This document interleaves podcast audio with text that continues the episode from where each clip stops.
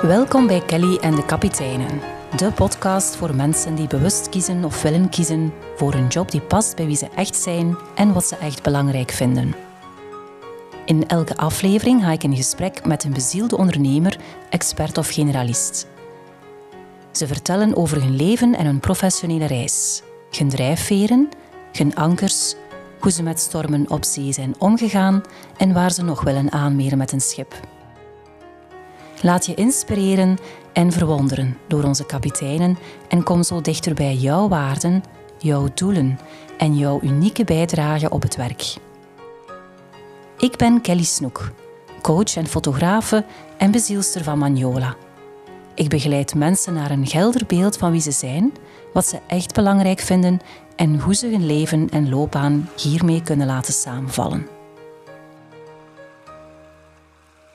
Onze kapitein van vandaag is Anna Bernburg, onderneemster, bezielster van Dottier Experiences, Wim Hof instructrice, IJsland-specialiste en reisbegeleidster. Welkom Anna. Dankjewel Kelly. Mooie intro. Merci.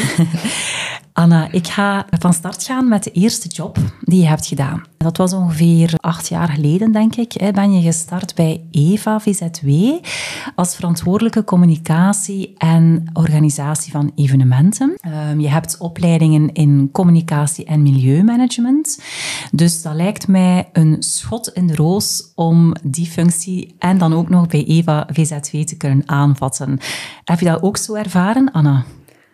Ja, Amai, ik ga nu even zo terug moeten graven in mijn geheugen. Even terug in de tijd. Neem jouw tijd. Dank je. Ehm, ja, ik heb daar oorspronkelijk mijn stage gedaan. Mhm. En ik heb eigenlijk communicatiemanagement beginnen studeren, omdat ik al milieumanagement gestudeerd had. En ik was dan op zoek gegaan naar vacatures. En bij elke vacature die mij aansprak, stond erbij bachelor in communicatie. Dat mhm. was een voorwaarde om die job te kunnen uitoefenen. Dus ik dacht van, ah ja, oké, dan ga ik nog een beetje bijstuderen. En ik vond dat een superleuke opleiding. Dat is redelijk algemeen. Mhm. En daarmee ben ik eigenlijk mijn stage bij EVA begonnen. Ondertussen is EVA VZ2 veranderd van naam.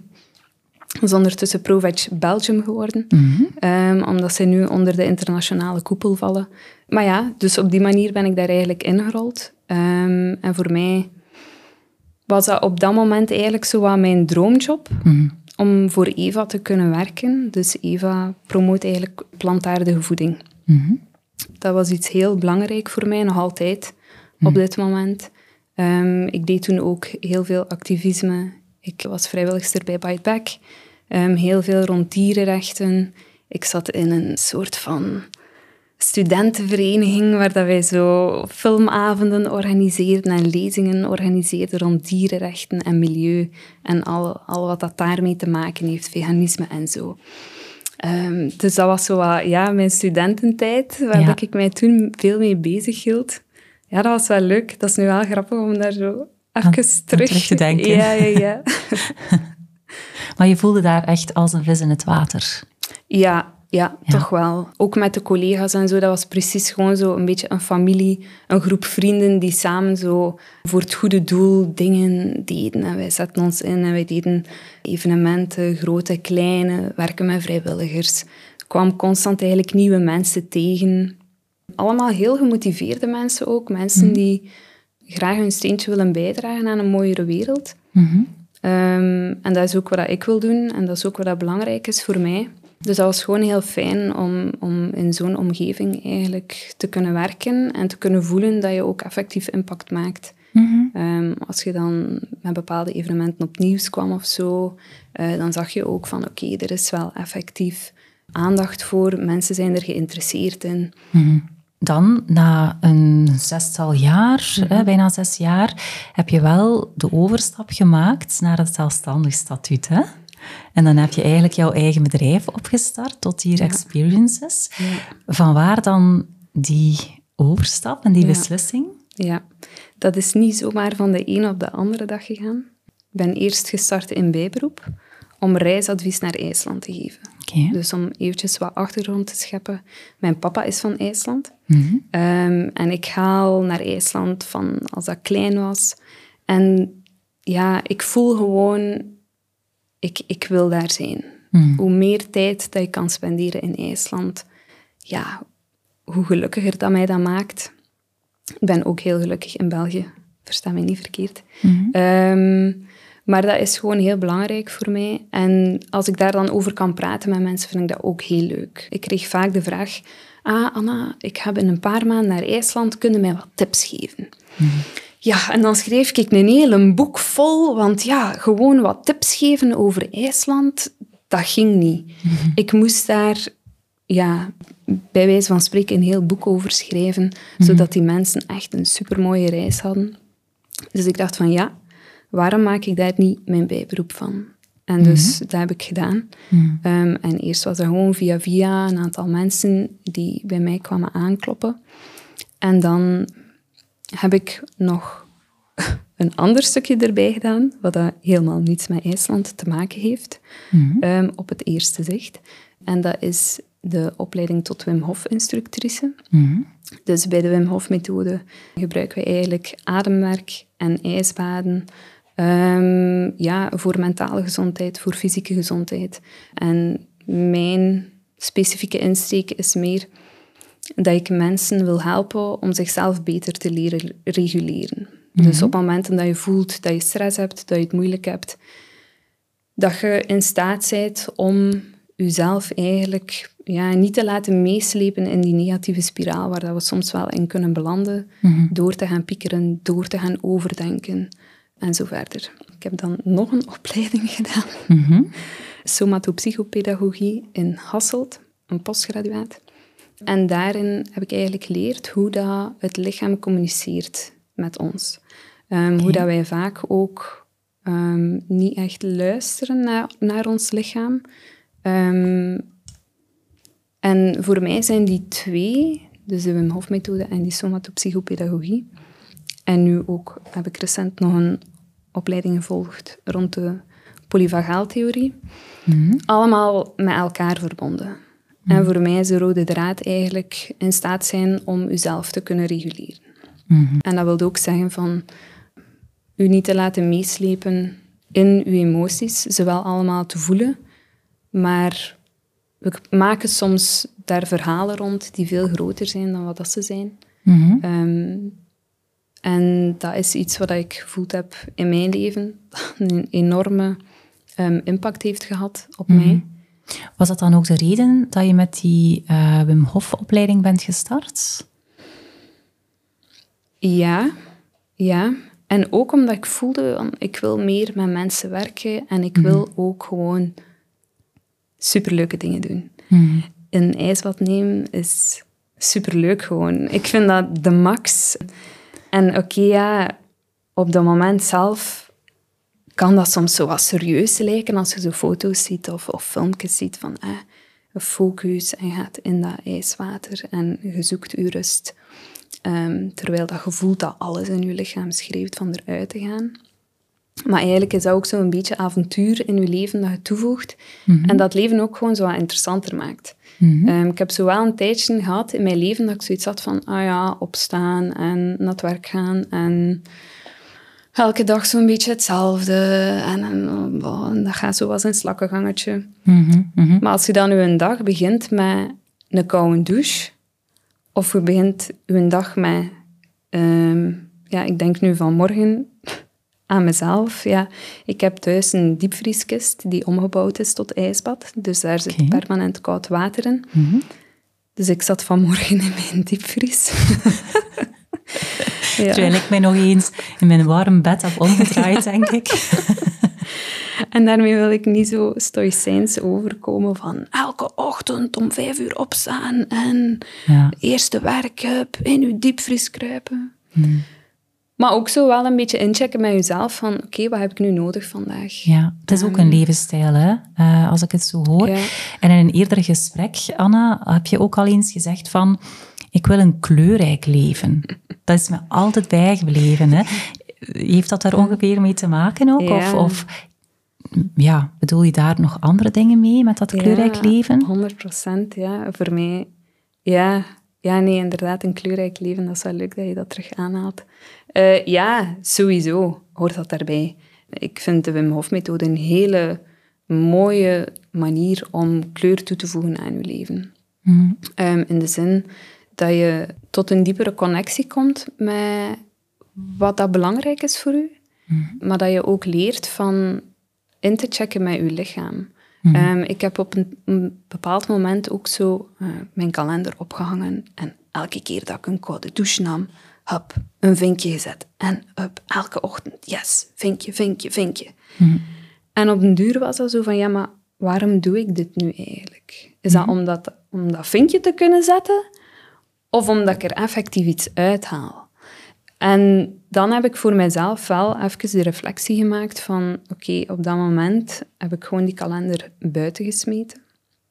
En echt terug naar dat gevoel gegaan. Mhm. Van oké, wat heb ik nu nodig? Wat, wat vraagt mijn lichaam eigenlijk? En heel vaak was dat een schouderklopje van doe maar.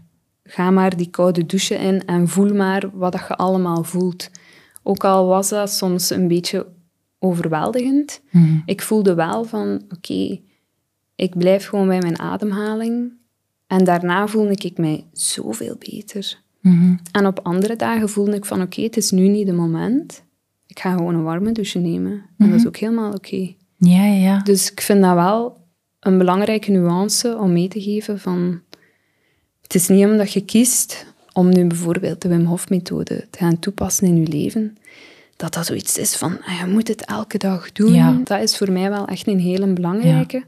Van altijd terug te keren naar waarom doe je het. Mhm. En, en dat kan ook veranderen mm. doorheen de tijd. Zodat het eigenlijk geen keurslijf wordt, maar nog altijd een heel bewuste keuze. Ja, ja, ja. 100 procent. Ja. En zo dat intunen op jezelf, echt gaan reflecteren over wat vind ik nu echt belangrijk? Waarom doe ik wat ik doe? Mhm. Heeft jou dat ook geholpen om ja, keuzes te maken in jouw bedrijf Dotier Experiences? Want uiteindelijk is het dan wel jouw voltijdse activiteit geworden, hè? Mhm. Ja, ja, inderdaad. Ik probeer wel van, van daaruit te leven. En ik probeer dat ook wel door te trekken naar mijn zaak is niet altijd gemakkelijk. Laat ons daar eerlijk over zijn. Ehm, maar ja, wat dat voor mij belangrijk is, is dat ik via die tools eigenlijk ja, mensen kan helpen. Ehm, en, en ik geloof ook wel dat door meer in contact te komen met natuur, mhm. dat is voor mij eigenlijk een hele belangrijke. Um, dat, je, dat mensen dan ook meer het besef gaan hebben van oké, wij zijn ook deel van die natuur. Mhm. En ik zie veel mensen die, die wel persoonlijke doelen nastreven. En dat is superbelangrijk. En dat is, ja, ik doe dat ook. Mhm. Maar vaak wordt het, stukje, het, het globale stukje een beetje vergeten. En dat vind ik een beetje jammer. Het idee van ehm, dat alles wat wij doen een impact heeft. Mhm. Ehm, als je een keer vriendelijk lacht naar iemand, dat is nu een stom klein voorbeeld, maar dat gaat een impact hebben op die persoon. Mhm. Ehm, zelfs al, als je zelfs al bekijkt je dat vanuit hè, nu de polyvagaaltheorie, dat is gewoon een heel belangrijk deel voor mensen om zich veilig te voelen. Dus als jij gewoon recht voor je kijkt als je aan het wandelen bent, je maakt oogcontact met mensen en je lacht naar die mensen, gaan die mensen ook het gevoel krijgen van hé, hey, dat is hier eigenlijk wel een veilige wereld. En op die manier maakt jij voor die persoon de wereld een beetje mooier. Dus mhm. dat is heel klein. Maar ik geloof ook dat mm, bijvoorbeeld, hè, ehm, ik eet nu plantaardig, um, dat door te kiezen voor een plantaardige optie, heb je ook impact. Heb je mhm. impact op het dier dat niet gedood is geweest. Je hebt impact op de natuur. En dat geldt voor eigenlijk alles wat we doen. Mhm. En ik heb zo het gevoel dat, dat dat stukje soms een beetje wordt vergeten. Dat mhm. vooral is, doe wat dat u gelukkig maakt en de rest maakt niet uit. Mhm. Maar ik vind dat dat wel uitmaakt. Mhm. En het is superbelangrijk om te doen wat dat je, waar dat je gelukkig van wordt. Maar het is ook belangrijk om, om dat groter geheel ook mee te nemen. Ja. Uh, want daarnet er even over. Uh, Je mhm. zei net van ja, je vindt altijd je weg met openbaar vervoer. Mhm. Uh, ik heb inderdaad geen auto. Ik probeer alles met openbaar vervoer te doen. En dan zit ik ook nog in een autodeelsysteem. Maar ik kies er wel heel bewust voor om geen eigen wagen te hebben. Mhm. Dat ik zoiets heb van, als je rond je kijkt, zoveel auto's dat er zijn. Ooit gaan die auto's niet meer rijden gaan die niet meer werken en gaan die verwerkt moeten worden. Wat gaat daar dan mee gebeuren? En dat is een beetje de vertaalslag die ik ook ehm, ja, op, op elk vlak in mijn leven wil maken. Hmm. Welke impact heeft dat? Hmm. Want je zegt ook, je schrijft het ook op jouw website, mm Experiences mhm. is geen reisbureau. Um, dat vond ik wel, ja. en, en dus welke impact wil je dan met Dot Here Experiences maken? Ja, dat is een hele goede vraag. Verschillende dingen eigenlijk. Um, enerzijds wil ik mensen helpen om dichter bij de natuur te komen, door mensen hun reis naar IJsland te helpen vormgeven. Mm En anderzijds wil ik mensen ook dichter bij hun eigen natuur brengen, mhm. door de Wim Hof Ehm, vanaf volgend jaar worden die twee ook gecombineerd. en dat is voor mij eigenlijk ja, een beetje het, het, het summum, zo. die twee werelden die samenkomen. Waarom? Omdat je daar echt ehm, de vertaalslag maakt van hoe beleef ik natuur? Niet mhm. gewoon, ah ja, ik zie mooie natuur, en dat zit, ik trek er een foto van en ik ga naar het volgende. Maar wat doet dat met je? Wat voelt je daarbij? Komen daar emoties bij los? Wat gebeurt er als je naar iets heel mooi kijkt? Of als je in een waterval gaat, wat voel je daarbij? Mm Zo dat voelen en het, het terugkeren naar, naar je eigen lichaam is voor mij een, een super belangrijke. En daarbij hou ik altijd een beetje in mijn achterhoofd de quote van, ik denk Thich Nhat um, of waarschijnlijk zullen heel veel andere mensen hem ook al gebruikt hebben, van de verandering die je wilt zien in de wereld, die begint bij u. Mm Beetje een cliché, maar het klopt wel. Mhm. Ehm, en ik probeer dat dan ook wel uit te dragen in mijn zaak. Um, en en in, in mijn zijn probeer mhm. ik dat. Ja. Mhm. Ik zeg proberen, want dat lukt niet altijd. Ja, ja. Maar ergens hoor ik dus dat door wat je doet, uh, wat je aanbiedt ook binnen Dotier Experiences, dat je mensen dichter bij zichzelf brengt, meer in verbinding met zichzelf, mhm. waardoor ze eigenlijk ook ruimte krijgen om aandacht te hebben voor wat er zich rondom hen gebeurt. Ook, hè? Ja, um, inderdaad.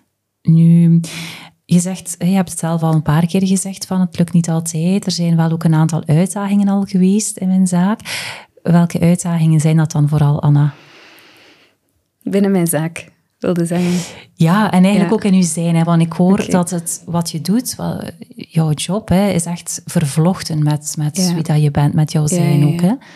Nee, 100 procent. Ja, um, even denken. Ja, een van de uitdagingen is wel voor mij een beetje de vorm die het krijgt. Ehm, mhm. Ik geef nu bijvoorbeeld de Wim Hof workshops, dat zijn dagworkshops. Maar ik zou ook kunnen kiezen voor coaching, één op één mhm. coaching. Mhm. Ik zou kunnen kiezen voor weekends te organiseren. Dat ga ik nu binnenkort ook gaan doen. Um, ik zou kunnen zeggen van nee, ik wil eigenlijk psychologie gaan studeren. Want op die manier kunt je ook mensen helpen en kunt je ook mensen in verbinding brengen met elkaar en met zichzelf. Um, dus dat is voor mij wel een beetje een zoektocht geweest naar wat past er nu eigenlijk echt bij mij? Mhm. Op welke manier kan ik mijn boodschap overbrengen?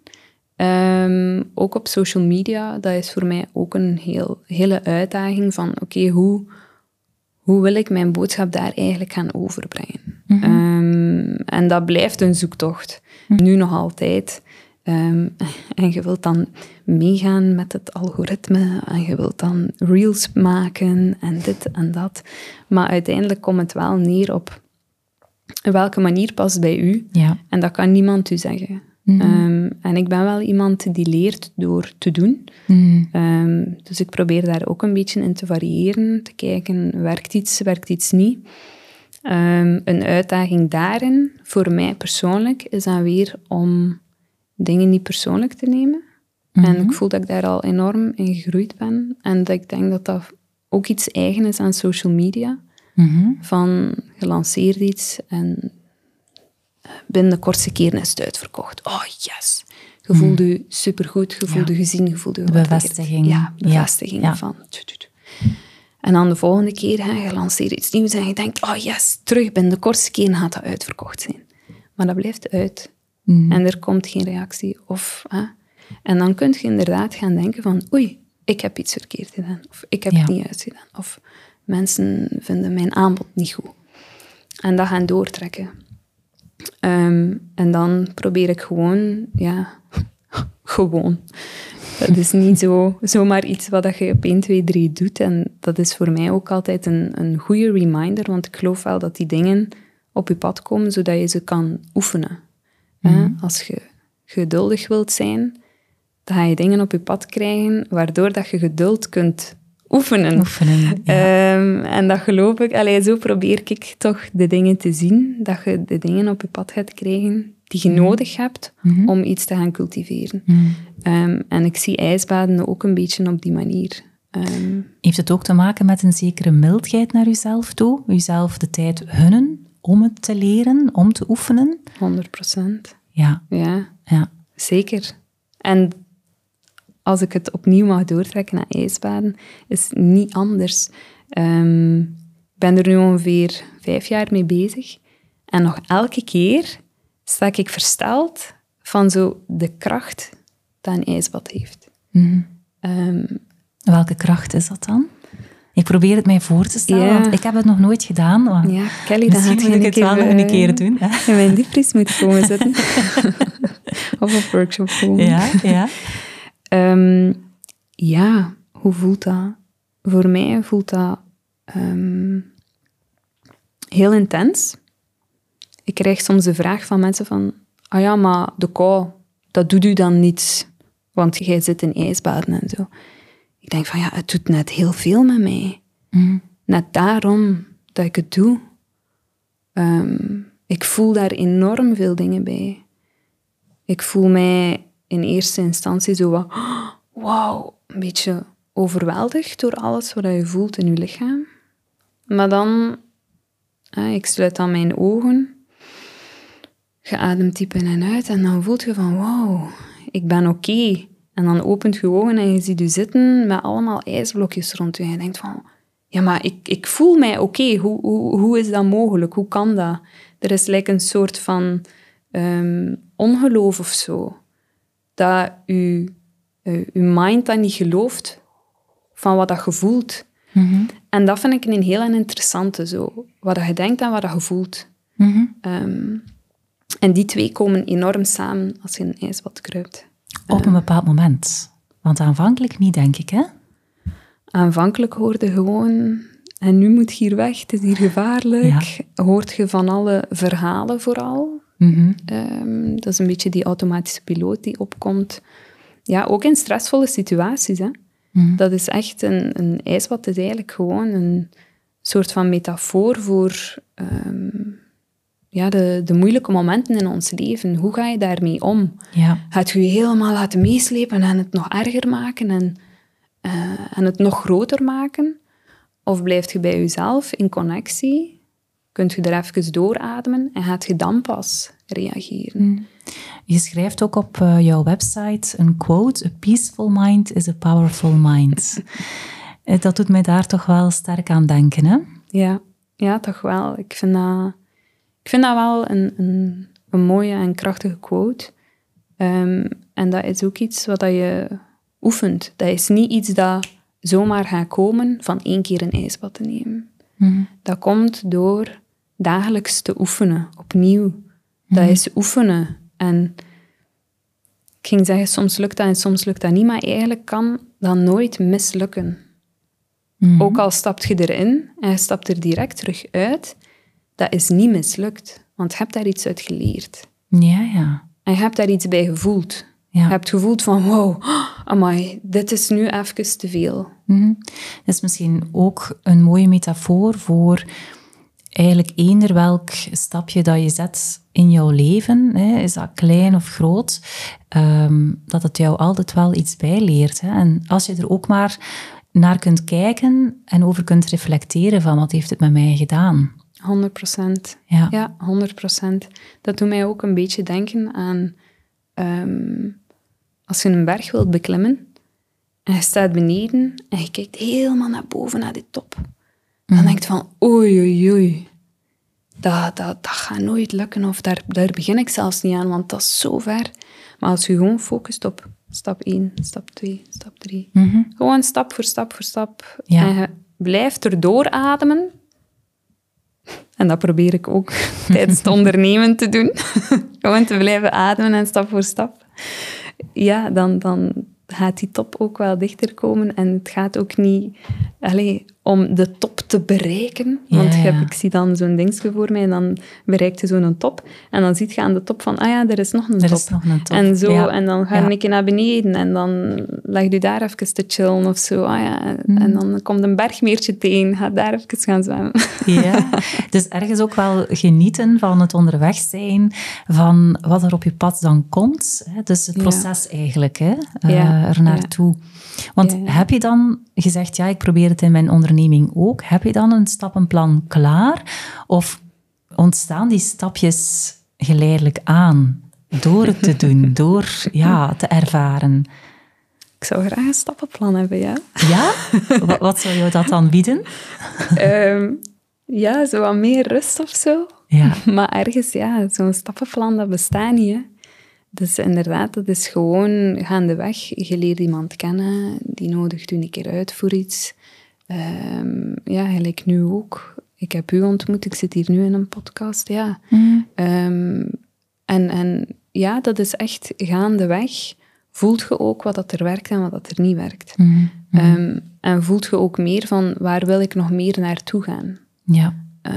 en dat is bij mij ook gewoon aan het ontvouwen. Mm. En dat neemt tijd. Ja, ja. En soms wilt je het allemaal al weten. Ja. Dus maar dat is, niet zo. Dat is ook een van de uitdagingen, om ergens um, een vertrouwen te ontwikkelen van het komt goed, hè, dat stappenplan zal zich wel ontwikkelen, dat zal er wel komen. Ja, ja, ja inderdaad. Mm. Ik heb thuis zo'n muntje, een boeddhistisch muntje aan een kettingsje hangen. Mm. En voor mij staat dat echt van vertrouwen op het proces. Mhm. En dat is voor mij ook zo, als ik voel van ik kan, kan vertrouwen, ik kan loslaten, dan voel ik mij rustig. En dan, dan vloeit dat ook en dan kan ik meer met een open blik naar de wereld kijken, kan ik empathischer zijn, kan ik ook mhm. in diepere gesprekken gaan met mensen, kan ik ook op die manier ook daar uh, ja, misschien relaties eh, in opbouwen of zo. Mhm. Ehm, dus ja, nee. Mhm. Nu, een van jouw volgende stappen, wat wel al vast ligt, mhm. dat is jouw verhuis naar IJsland, hè? Ja, inderdaad. Volgend jaar in april, als ik me niet vergis. Ja, klopt. Dat is toch wel best spannend, hè? ik zie het ook, ja, straalt het uit, hè? Ja, ja, ja. Ja, nee, inderdaad. Wauw, ik kan dat zelf nog niet echt geloven, want dat is iets waar ik al jaren en jaren over spreek. Ik herinner mij nog in 2019 dat ik gezegd heb, 2020 is het jaar dat ik verhuis naar IJsland. Ja, corona was er toen en... Ja. Heb, er zijn altijd redenen om het niet te doen. Mm. Ehm, en dat is jammer als mocht ik mij daardoor laten tegenhouden. Mhm. Want ik weet, naar IJsland verhuizen, zo een one-way ticket naar IJsland kopen, ja, dat is iets wat dat mij diep, diep, diep gelukkig maakt. Mhm. En ik weet nog niet helemaal wat ik daar allemaal ga doen. Ja. Ik weet dat ik veel tijd wil spenderen met mijn familie. Mhm. Dat ik Wim Hof retreats ga organiseren. Um, en de rest, dat gaat ook wel... Ik, ik geloof wel van, dat gaat, wel, dat gaat zichzelf wel ontvouwen ook. Mhm. En ja...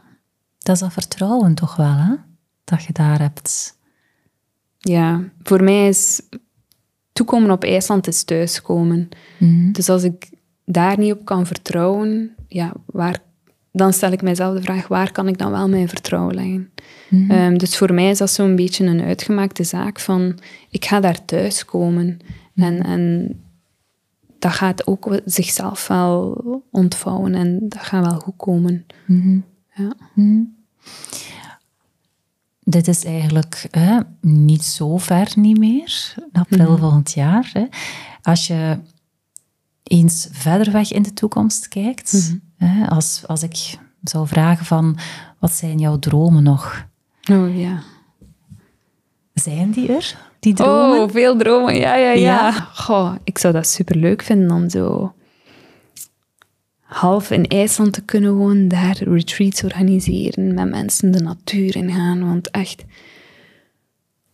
dat vind ik zo een mooie manier om IJsland te zien en te ervaren en te voelen, mm. is door echt de natuur te gaan ervaren. Mm.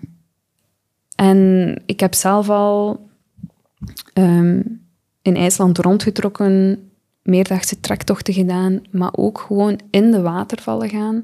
Dat is voor mij zoiets magisch. Ik wil dat iedereen dat kan ervaren.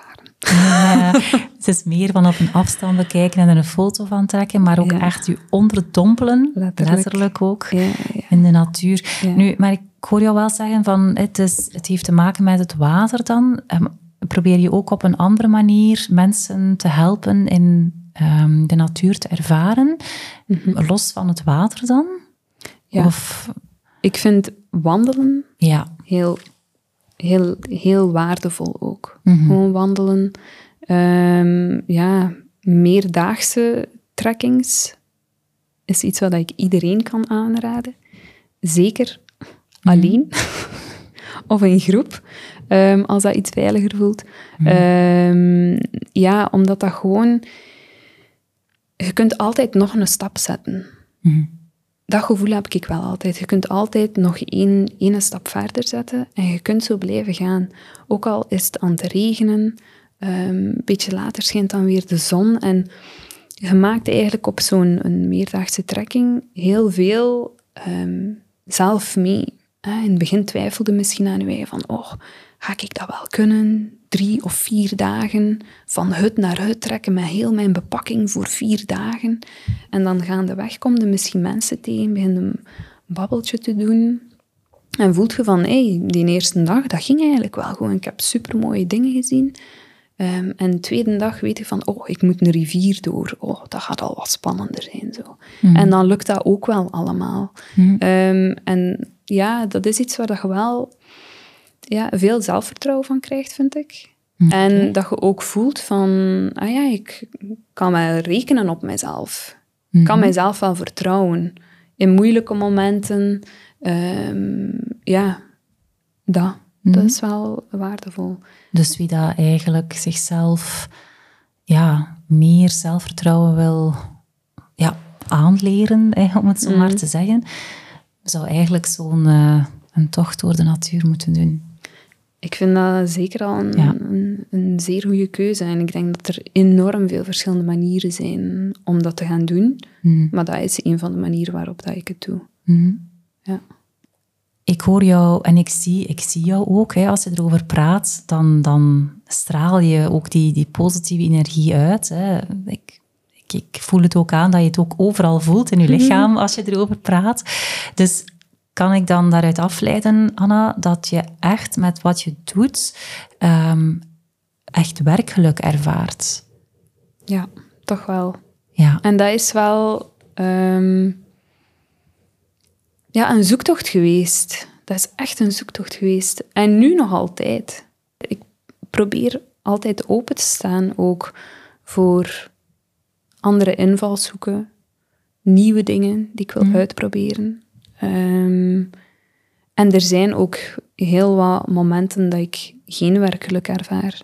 Mhm. Dat ik achter mijn computer zit, dat ik eh, van alles in orde moet brengen, dat ik denk van, oh my, mm wat is dit hier allemaal? Maar mhm. algemeen, als ik zo mijn workshops mag doen, als ik in contact kan komen met mensen, als ik in de natuur kan gaan, dan voel ik wel van, oké, dit is echt wat ik wil doen gewoon. Ik heb lang genoeg um, een kantoorjob gedaan. En dan voel ik mij eigenlijk een beetje ineenkrimpen. Mm en ik ben heel dankbaar dat ik dat heb mogen doen en dat, dat ik dat heb kunnen doen. En ik heb daar ook heel veel uit geleerd. En ik denk dat, ook, dat je ook mocht zeggen van...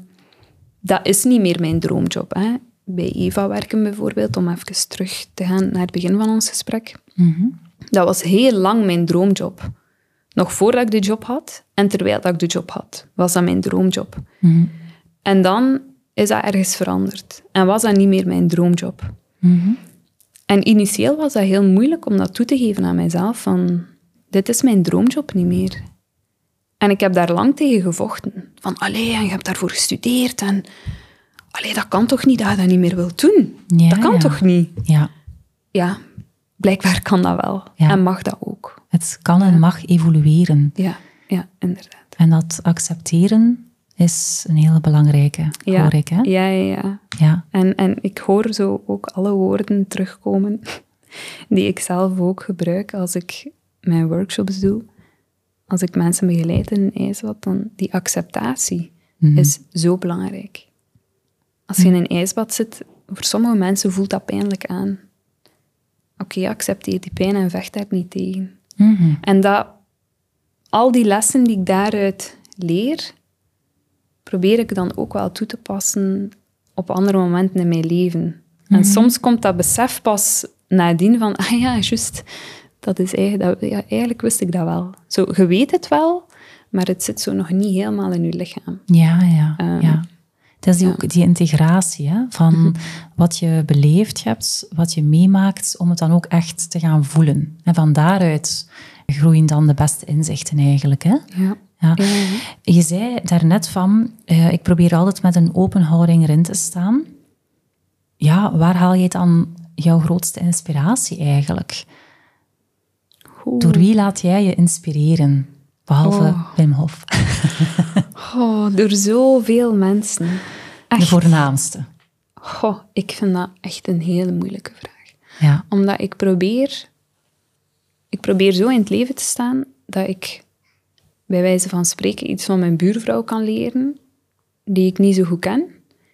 Maar ook van bijvoorbeeld ehm, iemand als Annie Thorisdochter, een IJslandse crossfit-atlete, waar dat ik enorm naar opkijk, die ik ook al heb mogen ontmoeten. dat zijn dan de mensen waar dat ik dan zo, um, hoe zeg je dat? Star, nee, hoe zeg je dat? Ja. Star, star, starstruck. Starstruck, Of zo, even zo mensen gelijk Jane Goodall. Oh my god. Mensen die zich zo inzetten om de wereld uh, mooier te maken. Ja, daar, uh, daar krijg ik dan zenuwen van om die te ontmoeten. um, een vrouw die mij ook enorm, enorm inspireert is Antoinette van de Water. Mm Iemand die waarschijnlijk niet zo heel veel mensen gaan kennen. En zij heeft Bring the Elephant Home opgericht. Zij is een Nederlandse en ik weet al niet meer, tien jaar geleden of zo, waarschijnlijk nog langer geleden, um, was zij in Thailand aan het rondtrekken en zag zij op verschillende plaatsen in Thailand um, olifanten op straat. Ze moet weten, in, in Thailand worden olifanten gebruikt in toerisme. Dus mensen kunnen op de rug van een olifant zitten wat dat helemaal niet diervriendelijk of oké is. Maar die worden ook ingezet om te bedelen op straat. Dus dan kun je geld geven aan de verzorger van de olifant om eten te kopen voor die olifant. Um, nu, die dieren zijn eigenlijk helemaal ondervoed. En Antoinette had dat gezien en zij had zo twee olifanten vrijgekocht. En zij is daarmee door Thailand gewandeld, helemaal naar het noorden in Chiang Mai. En zij heeft die naar um, het Elephant Nature Park gebracht. En daar konden die ja, um, op pensioen gaan, zeg maar. Mm. Kon die eigenlijk in semi-vrijheid gaan leven. Um, en van daaruit heeft zij de organisatie Bring the Elephant Home opgericht. Mm. ondertussen is die organisatie super groot geworden. Um, Het is ook dankzij die organisatie dat ik uiteindelijk de stap heb gezet om Wim Hof-instructrice te worden. Mm. Um, en nu zetten zij in op hoe kunnen we, zowel in Thailand als in Afrika ook al, het conflict tussen mens en olifant gaan verminderen. Dus zij doen studies, zij doen onderzoek en zij werken samen met mensen. Hmm. En dat vind ik een hele belangrijke. Ja. Een van de dingen die ze doen is, um, ze hebben gemerkt dat olifanten bang zijn van bijen. Um, Wat dat dus super interessant is. En de boeren in Thailand, die waren eigenlijk vaak in strijd met olifanten. Smeten daar bommetjes naartoe, um, zo met een katapult voor de ogen uit te doen en zo. Heel, echt niet fijn. Omdat die olifanten op hun gewassen kwamen. Maar nu, dankzij dat onderzoek van Bring the Elephant Home, hebben ze gezien van oké, maar als we nu bijenkasten zetten rondom um, de gewassen van die boeren, dan komen die olifanten er niet bij. Mhm. En hebben die boeren nog eens honing die ze kunnen verkopen. Oké. En dat is voor mij is een, een heel mooi voorbeeld van hoe kunnen we beter samenwerken? Hoe kunnen we beter samenleven?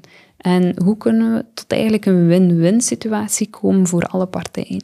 Mhm. Ehm, en dat is voor mij, ja, Antoinette is iemand die mij enorm inspireert. Mhm. Ehm, en en ja, iedereen die, die, die zich inzet om mensen te helpen, mhm. om dieren te helpen, om de natuur te helpen, om ja, zichzelf ook te helpen, um, inspireert mij. Dus ik, ik zie dat een beetje in iedereen. Ja, situeert zich op heel veel verschillende thema's. Hè? Ja, ja, ja, ehm, toch wel. Mooi. Um, ik, ik ken het verhaal nog niet, hè, dus uh, dank je wel, Anna, om dat ook zeker te delen.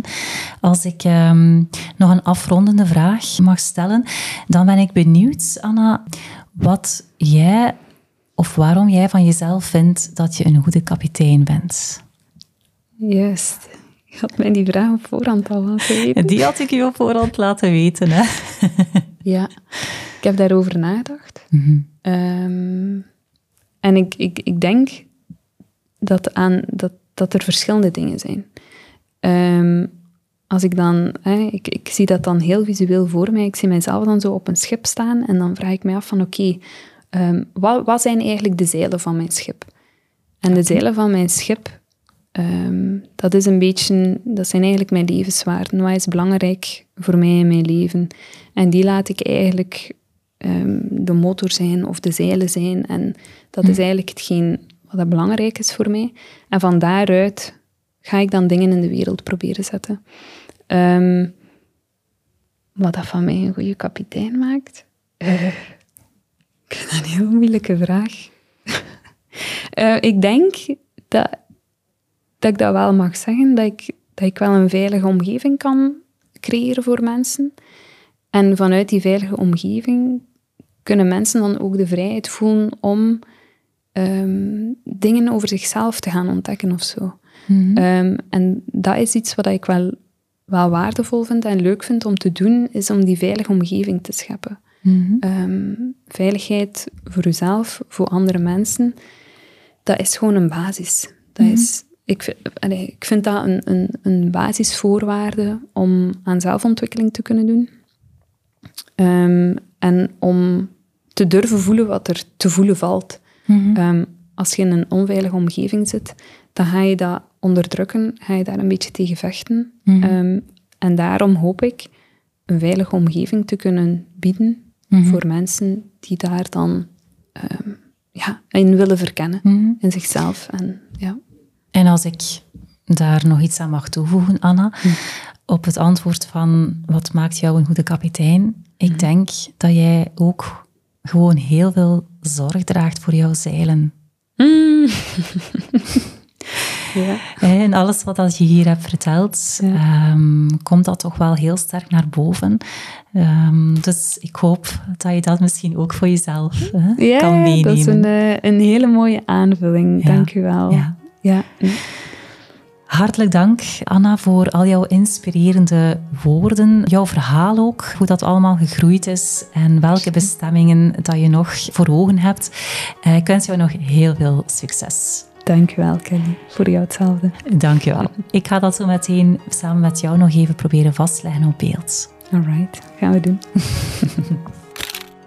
Wil jij ook met vertrouwen en impact jouw eigen koers kunnen varen? Bekijk dan zeker mijn website manjola.be of volg me op Instagram at manjola.be.